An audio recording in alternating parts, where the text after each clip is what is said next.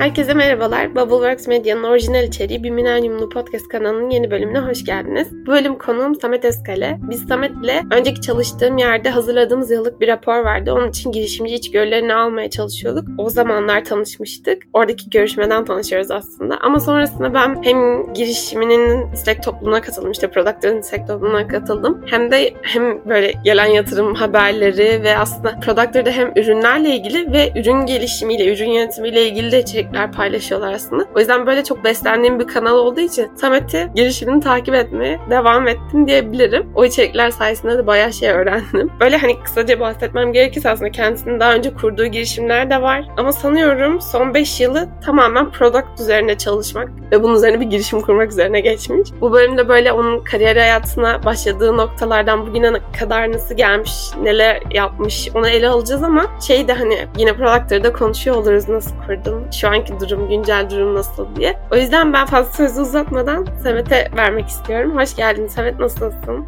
Hoş buldum. Çok teşekkür ederim. Çok güzel bir introydu. Sağ olasın. Herkes için umarım Product Management domaininde iyi bir bilgi kaynağı olabiliyoruzdur. Bunu duyduğum için de ayrıca sevindim. Oluyorsunuz gerçekten öyle. Ben böyle çok dediğin gibi kısa bir giriş yaptım seninle ilgili bildiğim kadarıyla. Ama bir de senin dilinden duymayı çok isterim. Hani nasıl başladın bu yolculuğa? Bu yolculukta neler geçirdin? Ne gibi deneyimler elde ettin ve bugünkü noktaya nasıl geldiniz aslında? Biraz bunlardan bahsedebilirsen süper olur.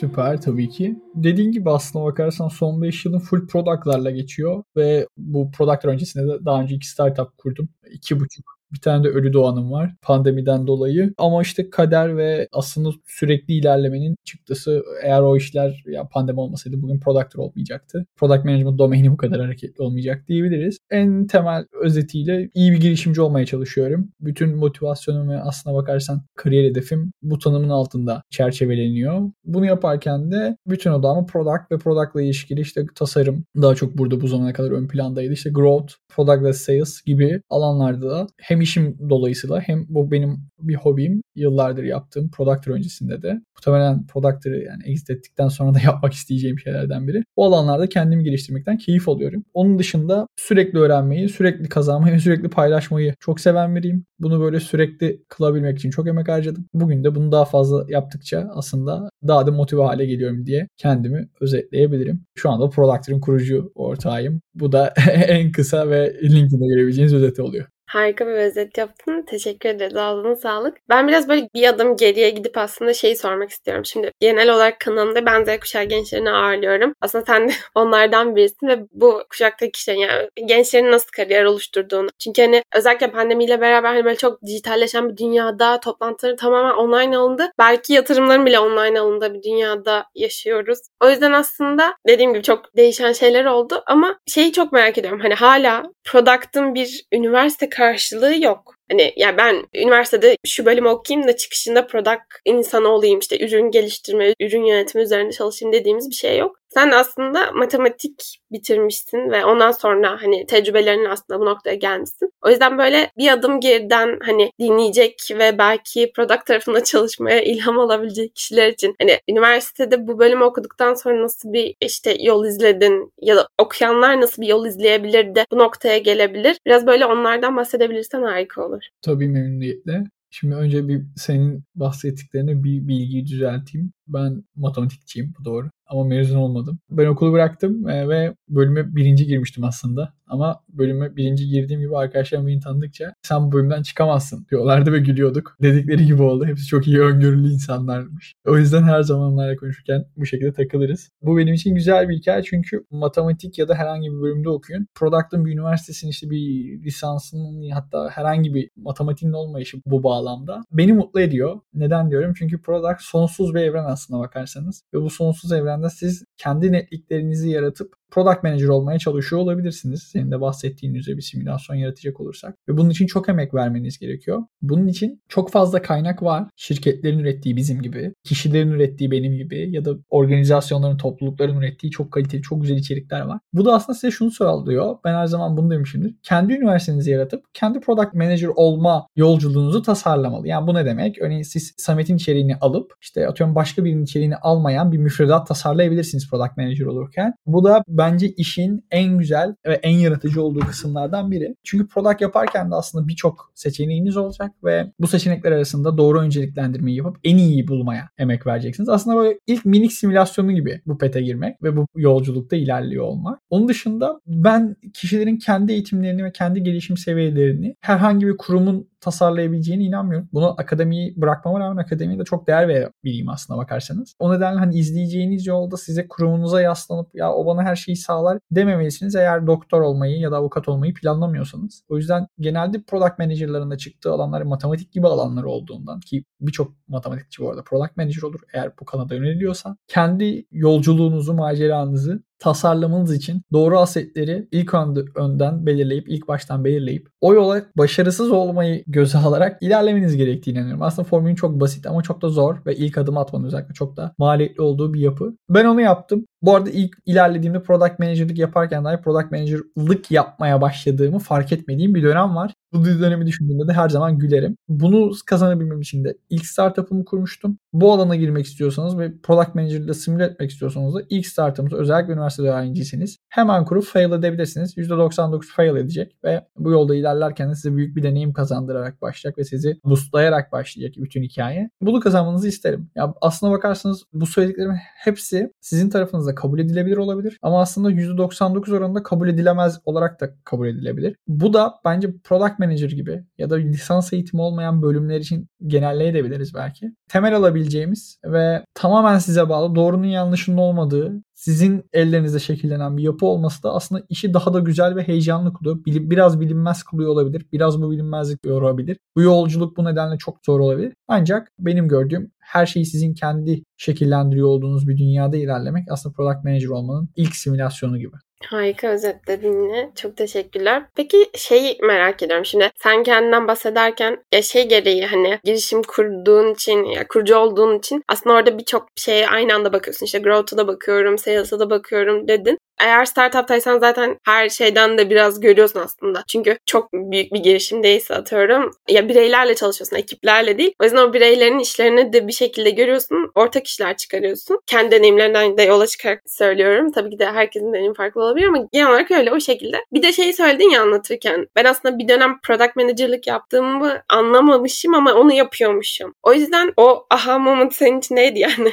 Şimdi şöyle aslında product manager'lığın bir bölümünü yaptığımı fark ettim. Aa bu product manager şapkasının altında yer alıyormuş dedim. Orayı da netleştirelim. Senin soruna gelecek olursak da aslına bakarsan şöyle product manager'ın evreni sonsuz. Yani yapacaklarını, stratejiyi belirleme, vizyonu belirleme, ürünün belki de büyümesini nasıl işte monetize edeceğimizi belirleme bu tarz alanlara girme noktasında bence sonsuz bir evreni var. Altına ne kadar madde yazarsan hepsini kabul edebiliyor. Burada değişken ne? Zaman ve işte kısa vadeli hedefler, uzun vadeli hedefler, işte şirketin yol haritaları, işte burn rate'i gibi product manager'ın düşünmesi gereken bir sürü şey var. Bunu yaparken ben tamamen aslına bakarsan şöyle düşün. Ben basketbolcuyum ama ben hiçbir zaman basketbol maçı izlememiş olayım. Hiçbir zaman bir basketbol sahası görmemiş olayım. Ama bunların hiçbirini bilmezken de beni sen bir basketbol sahasının içerisine getir. Elime bir tane basketbol topu ver ve beni orada bırak. Çok yüksek ihtimalle içgüdüsel olarak o topu o çemberin içerisinden geçirmeye çalışacağım. Ama aynı şeyde product manager olarak bak. Ben belki de işte bir product manager'ın yapması gereken X, Y, Z işlerini yapıyorum. Ama product manager'lığın ne olduğunu tam olarak bilmiyorum. Ve product manager neymiş, işte product management domaininde neler yer oluyormuş ve bu işler nasıl yürüyormuş anladıkça da aa evet benim bu elimde olan X, Y, partları bu şapkanın altında yer alıyor demeye başladım. Aslında fark ettiğim an o alanda daha fazla okumaya başladığım ve o alanda daha fazla kritik organizasyonu, kişiyi, yapıyı takip ettiğim bir dünya. Bunu da şöyle tanımlıyorum. Eğer product manager olmak istiyorsanız istiyorsanız ya da eğer X olmak istiyorsanız mutlaka o çemberin içerisine girin. Matematikte öğrendiğim çok net bir şey var. Eğer o çemberin içinde değilsen %99 değil %100 olan tek gerçek matematikte çemberin dışındasındır ya da teğetsindir. Teğet bile product manager'lıkta ya da X olmakta hiçbir zaman başarılı olmanıza olanak tanımıyor. O yüzden kesinlikle çemberin içinde olmak zorundasınız. O yüzden ben de aslına bakarsan o product management denilen konseptin çemberinin içine girdim. Ve daha fazla okumaya, daha fazla insanları takip etmeye, product management hakkında daha fazla konuşulan ortamlarda bulunmaya, online veya offline hiç fark etmez. Ya da asenkron veya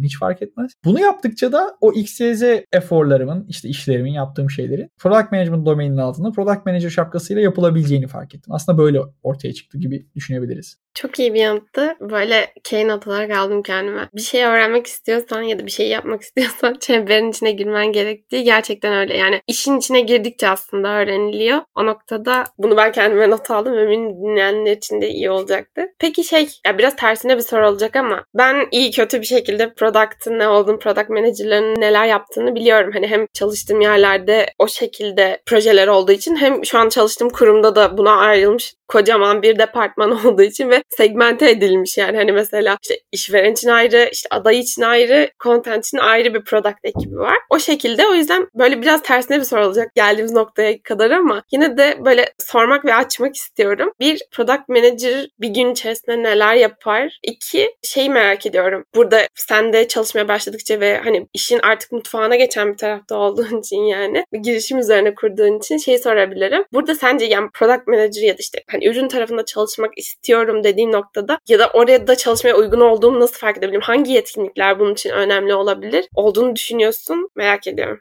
Süper. Şöyle ki aslına bakarsan bir şu anda özellikle Türkiye'de var olduğumuz dünyanın içerisinde nasıl akıyor bir de global konsepte nasıl akıyor diye ele almamız gerekebilir. Nedenini şöyle özetleyebilirim. Özellikle Türkiye'deki product şirketlerinde gördüğüm şöyle bir sorun var. Genelde product manager şirketin yol haritalarını çıkaran işte task management prosesinin temiz bir şekilde ilerlemesini sağlayan ve development takımıyla genelde en yakın olan kişi olarak konumlanıyor olabilir. Ancak olması gereken şu bu işleri yine yapıyor olabilirsiniz. Hiç sıkıntı yok. Bu işler yine hayatınızın bir parçası olabilir. Hiç sıkıntı yok bana kalırsa. Ancak bir product manager'ın asli görevi o ürünün ilk olarak global ürün vizyonunu tanımlamak olduğuna inanıyorum. İkinci odağının bu ürünün bu vizyonu temel alan bir şekilde stratejik açıdan nasıl konumlandırılacağını belirlemeniz gerektiğini düşünüyorum. Çünkü bir pazarın içine giriyorsunuz. Yani bir pazar yaratıyor olsanız dahi ya da bir pazarın içerisinde yeni rekabetin içerisinde dahil olacak bir oyuncu yaratıyor olsanız dahi iyi bir konumlandırmaya olmaya, iyi bir bunu temel alan özellik ve ürün akışı setine kesinlikle ihtiyacınız var. Üçüncü açıdan yapmamız gereken şey de sonuçta bu ürünler kullanıcılar için ve bu kullanıcılar birçok düşünceyle sizin ürününüze yaklaşıyorlar. Yapmamız gereken de aslında bu kullanıcıların düşüncelerin doğurduğu sesi product insanı olarak daha fazla dinliyor olmak ve onların geri bildirimlerine kulak vermek. Productor'da aslına bakarsan bu geri bildirimleri toplayabileceğin bir yapı sunarak başlıyor. Yani hikayeyi kullanıcıdan başlatıyor ve kullanıcıya yeniden geri döndürüyor. Biz de buna odaklanırken aslında şeyi düşündük. Senin bu sorunu. Yani bir product manager hayatına neleri alıyor ve bu hayatına aldığı şeyleri temel alan bir nasıl diyeyim product management flow'u çizsek neleri dahil ederdik? Product'ta da aslında tamamen bu sorunun product management prosesini temel alarak aslında yansıması gibi düşünebilirsin sorunun ortaya çıktı ve ürünleşti. O yüzden ben bu üç şeyin global ürün yönetimi dünyasında daha ön planda olduğunu düşünüyorum. Tabii burada product manager olarak yani ürün insanı olarak hangi title'da yer aldığınızda önem arz ediyor olabilir. Sizi anlıyorum. Herkesi anlıyorum. Yani orada bir yönlendirme ya da sorumlulukların farklılaşması gayet olağan ve makul. Ancak bence ürünün sayısını belirleme, ürünün vizyonunu belirleme ve kullanıcı oyuncuların sesini sürekli oyunda tutan aksiyonlarda bulunma gibi böyle 3 ana kaleme indirebiliriz. Harika. Yani şey inanılmaz bir 101 oldu benim için de tekrardan. Böylesi özeti de dinlemek harika oldu. Peki şeyi merak ediyorum bir de. Productçı olarak senin çalıştığın yerler de vardı daha önce. Şu an dediğim gibi işin mutfağındasın. Aslında hani startup kurduğunuz işte hani şu an girişimci olarak devam ediyorsun yolculuğuna. O yüzden bir yerde productçı olarak çalışmak ve şu an her ne kadar başka yönetimsel ve hani girişime dair sorumlulukların olsa da yine product tarafına bakıyorsun diye düşünüyorum. Yanlışsam düzeltebilirsin o noktada. Burada hani böyle bir yerde çalışmakla kendi kendim bu işi yapmak arasında ne gibi farklar var senin açından? O pencereyi de görmeyi çok isterim. Süper. Bir boyut daha var bu arada. Şimdi product management tool'u yapınca aslında bizi kullananların da mutfağında oluyorsun. Böyle değişik bir yapı var. O yüzden biz buna şey diyoruz yani işin esprisi. Terecilere tereci olarak tere satmak. Böyle üçlü bir komik bir hikayesi var aslına bakarsan. Şimdi product insanı olarak bir startupta yer almak bence işin en keyifli kısmı. Eğer özellikle kurucular, yer aldığınız şirketteki oyuncular o biraz önce bahsettiğim 3 ana kalemin sizin sorumluluğunuzda olduğu ve bunların atıyorum task management sürecini iyi kılmaktan daha değerli olduğunu farkındalarsa. Kurucu olarak bir ürünün başında olduğunuzda ve ürün temelli bir insanken yani şu anki benim pozisyonum Dünya nasıl diyeyim özgürlük alanınız bazında ya da yapabileceklerinizin sınırı ya da herhangi bir X bazında en üst tepeye çıkıyor. Yani siz biliyorsunuz ki bu ürünle ilgili herhangi bir kararı çok hızlı alabilirsiniz. Bu ürünle ilgili herhangi bir stratejik aksiyonu hızlı oyuna sokabilirsiniz. Buralar mükemmel kısım. Ancak yani biliyor olmalıyız ki benim tek sorumluluğum şu anda product değil. Ya da benim gibi benzer girişimci arkadaşlarımın tek sorumluluğu ürün değil. Onun yanında işte growth'u var, evrak işleri var. Sonuçta bir takım yönetiyorsunuz. O takımın getirdiği bir iletişim süreci ya da farklı sorumluluklar var. İşte atıyorum yatırımcı ilişkileri var. Bu işin pazarlaması var, markanın konumlaması var gibi gibi böyle sonsuz tane alt kırılım var ya. Hayatınızda bunlar varken product'a bakmak için bakarken daha doğrusu aslında kendinizi product'a baktığınız dilimi hep ayırıp ona ayrı bir hazneye koyup gibi düşünebilirsiniz kafanızda betimleyebilirsiniz. O kalıbın, o haznenin, o fanusun içerisine girdiğinizde hala o yaratıcı yönünüzü, hala o vizyonu temel alan yönünüzü hayatta tutmanız, masada tutmanız ve stratejinizi hep temiz bir şekilde bir productçı gibi şekillendirmeniz gerekiyor. Ama cebinizde ya da işte atıyorum nasıl tanımlıyorsanız ya da betimliyorsanız yanınızda hep o marketing var. İşte growth'un sizden bekledikleri var. Satışın sizden bekledikleri var. Aslında bunlar production'ın masasında var. Ama bugün satışla siz oluyorsunuz. Çünkü sizin şirketiniz sonuçta sizin şirketiniz para kazanmalı ve iyi bir marka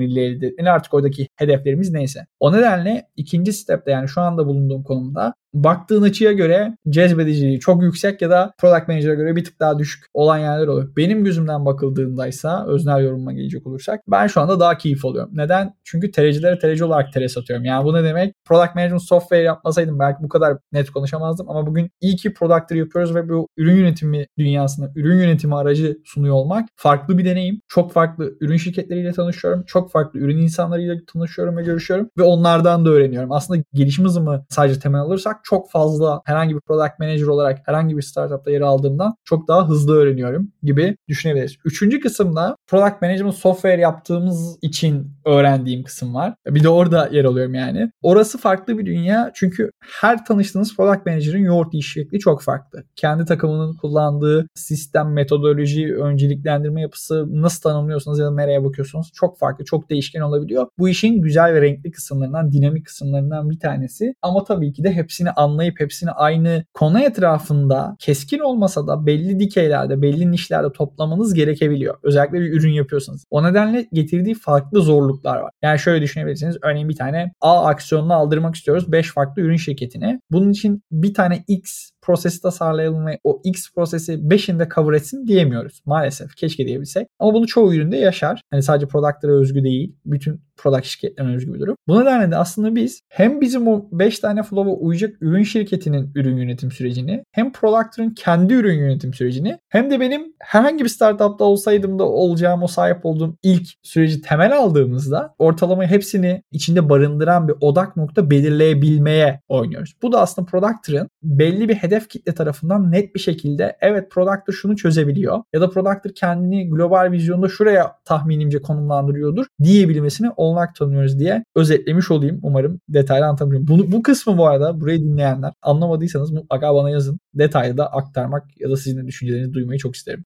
Kesinlikle. Yani şey bölüm açıklamasına tüm iletişim bilgilerini koyarım. Zaten çok şeffaf ve böyle hani içten cevaplar veriyorsun. Hani öğrendiğini direkt geri verebiliyorsun. O yüzden yazanların da çok şey öğreneceğine eminim. Hani anlamadığım bir nokta varsa bu noktada. Önceki cevaplarından birinde şey demiştin. Productor bugün var olduysa aslında pandemideki o kırılımlardan, o değişimlerden, oradaki tecrübelerden yola çıktı. Benim de bununla ilgili bir aslında sorum vardı. Hem bu getirdiğimiz nokta ile ilgili hem de şeyi hani bildiğim için ya gördüğüm için daha doğrusu. Sen aslında pandemiden de önce productçı olarak çalışmışsın. Yani işte 2017, 2018'lerde de aslında sen ürün tarafında çalışıyormuşsun. O yüzden şey pandemi çok evet banal geliyor artık bıktık ama hani gerçekten bir hani böyle oyunu değiştiren nokta oldu. O yüzden aslında merak ediyorum. Pandemiden önce ya da hani çalıştığın kısımla pandemiden sonra çalıştığın ve işte hani şu an artık kendi girişimini kurduğun kısım arasında bu alanda çalışmanın işte avantajları ve dezavantajları sence neler? Ve dediğim gibi o senin için dedim yani kırılım noktası olduğu için de bunu sormak istiyorum. O yüzden buradaki cevaplarını gerçekten merak ediyorum.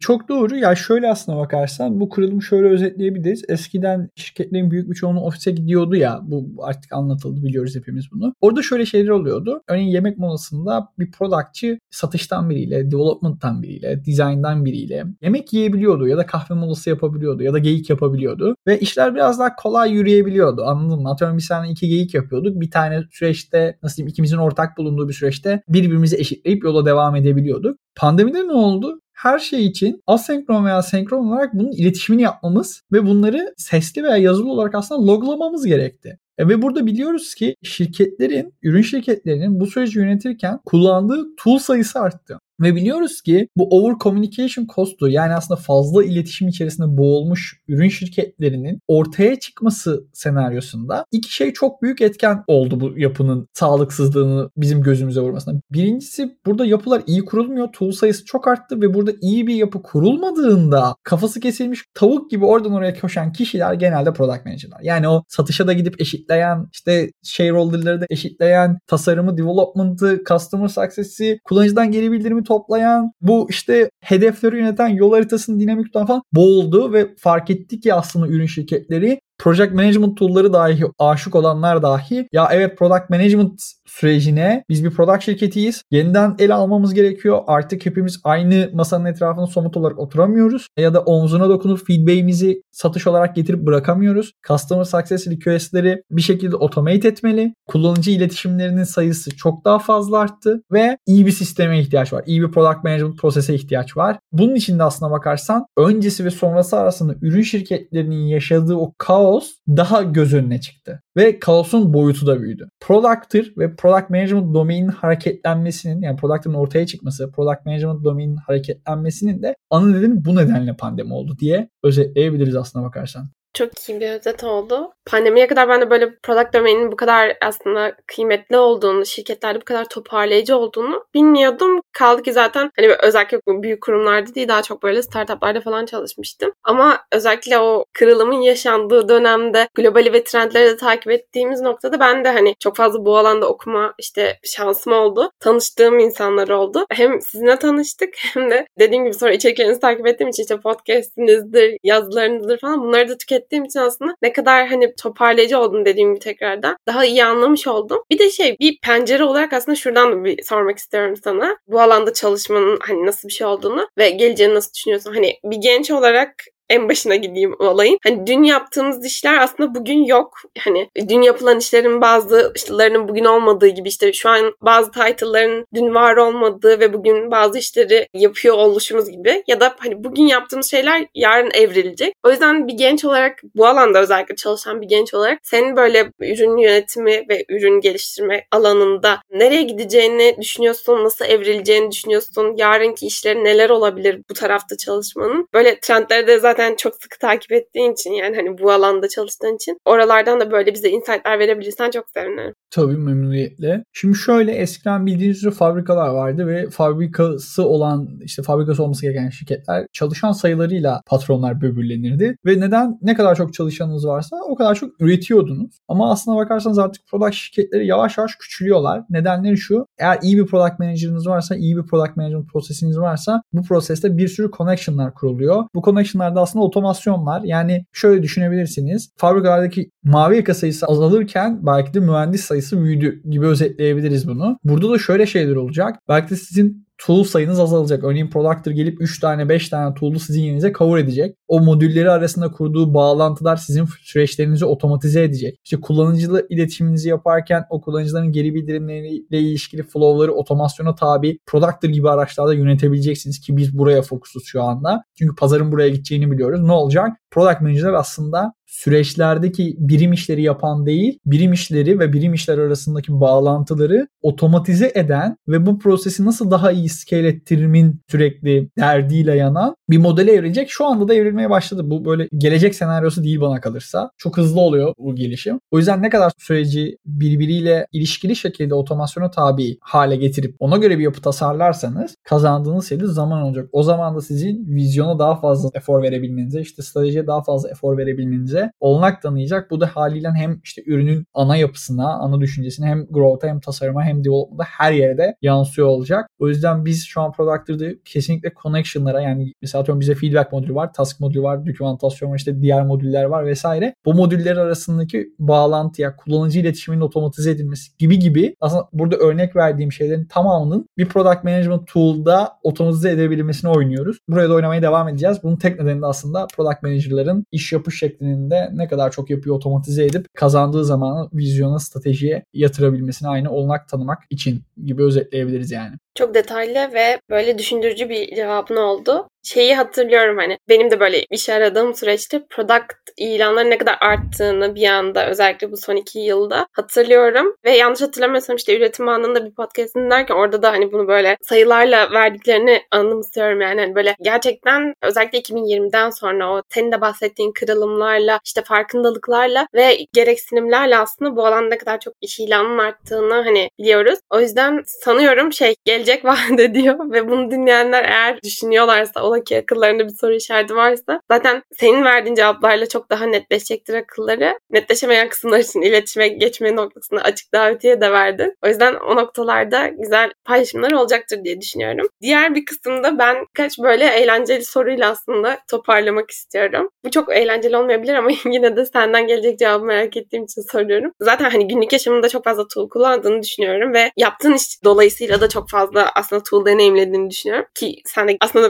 geliştiriyorsunuz da girişim olarak bir yandan. Bu noktada böyle senin yakın zamanda keşfettiğin ve hani kullanmaktan çok zevk aldığın bir tool, uygulama var mı? Bir artı da katıldığın, hani deneyimlediğin ve mutlaka katılmasını öneririm insanlara dediğin bir topluluk var mı? İlk soruyu düşünüyorum. Şöyle geçen takımla da böyle bir şey konuştuk. Şimdi ben çok tool'u inceliyorum. Yani bana hatta şey olmaya çalışıyorum. Bana ihtiyacını söyle sana hangi tool'u kullanman gerektiğini söyleyeyim.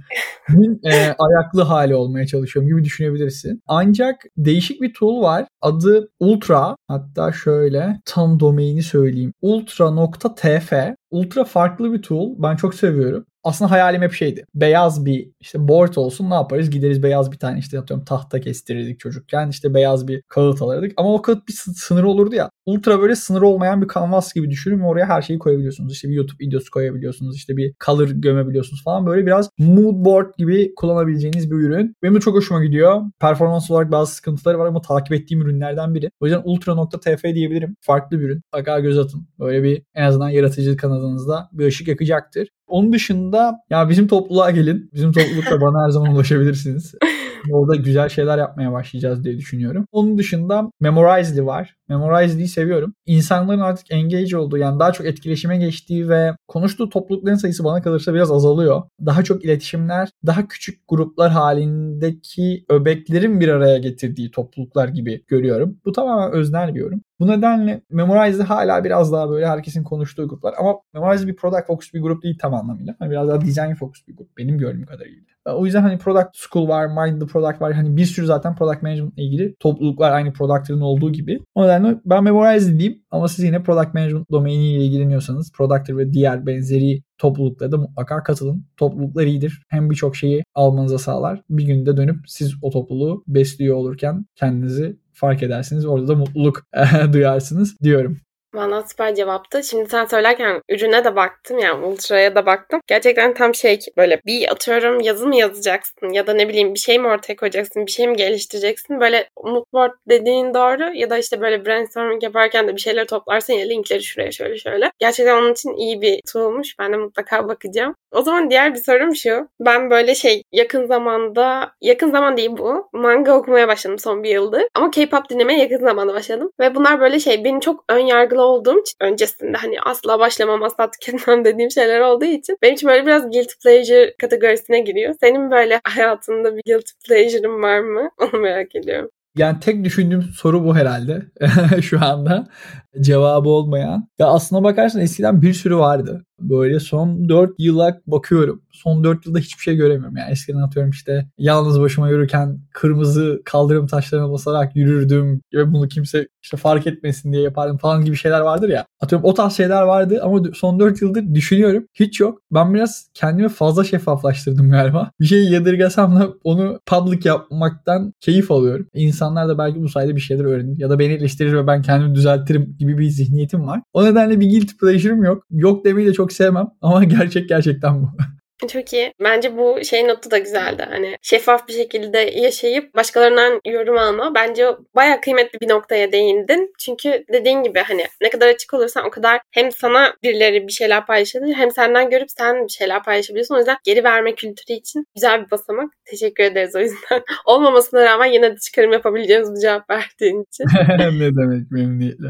O zaman son sorum da şu benim. Ben müzik dinlemeyi gerçekten çok seviyorum. Ve sanıyorum hani Spotify'ı keşfettiğimden beri hiç hiç bırakmadığım bir uygulama diyebilirim. O yüzden heyecanlanıyorum bu soruya verilen cevapları duydukça. Senin böyle random aldığında bazı şarkıları geçersen bazı şarkıları geçmezsin ya. Ya da hani böyle loop aldığında bir zaman sonra şey olur. O şarkıdan sıkılırsın bir daha böyle bir yıl falan dinlemek istemezsin atıyorum. Ama bazı şarkılar vardır ki hani böyle şey sürekli dinlesen de sıkılmazsın. Yarın bir daha açar dinlersin ya da random bir şekilde liste açıldığında da geçmezsin onu yani. Hani dinleyeyim dersin yine. Böyle favori bir şarkın var mı? Var. Ben çok uzun zamandır Şanışer dinliyorum. Bu bir guilty pleasure olabilir mesela bazıları için de asla değildir. Yani öyle bir şeyim var. Ben sözlere çok değer veririm. Yani bu tarz içeriklerde. O yüzden Şanışer de iyi bir söz yazarı bana kalırsa. Susamam da hem onun hem de arkadaşlarının yaptığı zaten hepimizin bildiği o dönem deli gibi dinlediği bir şarkı. Ama ben biraz şeyi sevmem. Bir şeyleri o dönem yaşayıp o dönem geçtikten sonra unutmayı biraz sevmiyorum. Bu benim tarzım değil galiba. O yüzden Susamam da her dinlediğimde o dönemi, o dönem yaşananları ya da o şarkının yayınlandığı tarih belki de hala bazı konularda tabii ki de veya öncesini özetleyen, bana hatırlatan ve oradan çıkardığım dersleri tekrardan aslında parlatıp gözümün önüne gelmesini sağlayan